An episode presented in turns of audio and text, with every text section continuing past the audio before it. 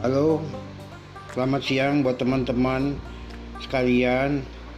Saya sudah ambil aplikasi podcast. Mungkin ada yang tertarik untuk podcast juga di sini ya.